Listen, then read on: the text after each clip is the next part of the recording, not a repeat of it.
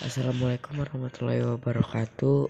Nama saya Adilio Tirta Wicaksono Mau menjelaskan tentang keutamaan sholat. Yang pertama sholawat malaikat atas orang yang sholat Serta pemohonan ampun dari mereka. Yang kedua kecewanya syaitan Karena berkumpulnya orang-orang untuk beribadah.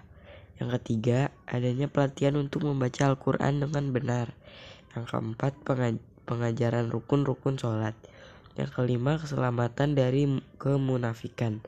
Yang keenam, ditinggikan derajatnya oleh Allah Subhanahu wa taala. Yang ketujuh, dihapuskan dosanya oleh Allah Subhanahu wa taala. Ia masuk masjid. Sekian dari saya. Assalamualaikum warahmatullahi wabarakatuh.